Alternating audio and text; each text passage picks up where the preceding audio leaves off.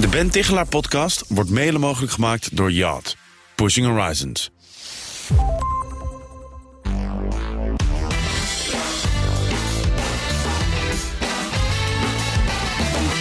Inspiratie kan overal vandaan komen. Ik vraag daarom alle gasten van mijn podcast welk boek, welke film, welke tentoonstelling of welk interview hen inspireerde in hun werk en leven. Vandaag stel ik die vraag aan Lennart Visser. Hij is leidinggevende van een onderzoekscentrum en course director bij Driestar Hogeschool. Lennart, wat is jouw mediatip voor onze luisteraars?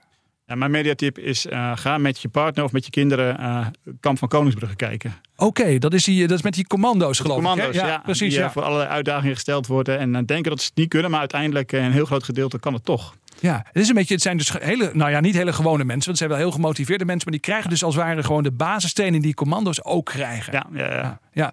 Hey, ik heb wel eens een aflevering gezien, maar waar, waarom vind jij het zo goed? Nou, heel vaak is het als mensen opgeven dat er tegen ze gezegd wordt, of met, met hen in gesprek uh, gegaan wordt en er wordt gezegd: het zit in je hoofd. Nou, dat, oh ja. dat vind ik zo herkenbaar bij, uh, ja, bij gedrag van mensen omheen en bij mezelf ook.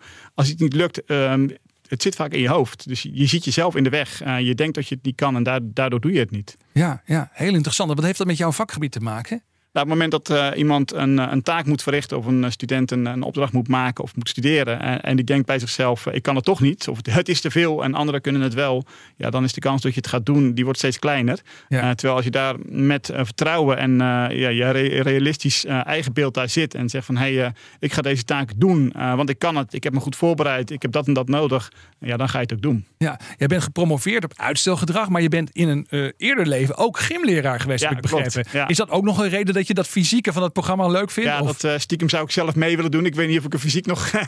ik nog mee kan. Dan moet ik denk ik wel even trainen. Maar ja, ik, ik geniet daarvan. En dat, daarom vond ik zo'n opleiding op een sportacademie ook zo leuk. Dus je steeds stapje voor stapje uh, je eigen grenzen overgaat. Ja, precies. Maar dus ook met fysieke prestaties speelt, speelt dus vooral wat er tussen je oren gebeurt een hele belangrijke rol. Als ik jou goed begrijp. En je ziet in de sportwereld dat daar die insteek ook steeds meer genomen wordt. Dat trainers niet alleen uh, het lichaam trainen, maar dat er ook een heel team omheen zit. Van hoe ga je dan om met die druk van al die verwachtingen uh, van het publiek of van jezelf. En dat kan natuurlijk bij leerlingen of bij studenten ook zijn. Die, die hebben ook allerlei verwachtingen van mensen om hen heen. Ja. ja, daar kan je wel eens aan bezwijken. Ja, en in de werkomgeving natuurlijk. Ja. Geldt ook net zo goed ja, voor heel veel mensen. Jou, als jij denkt van mijn, mijn baas denkt dat ik dat en dat moet, oh help. Ja, um, ja dan, dan gaat het gewoon niet goed. Wil je meer horen over het onderzoek van Lennart en over zijn specialisme, uitstelgedrag? Beluister dan het hele interview met hem. Je vindt het op bnr.nl slash Tichelaar en op je favoriete podcastplatform onder Ben Tichelaar Podcast. De Ben Tichelaar podcast wordt mede mogelijk gemaakt door Yacht. Pushing Horizons.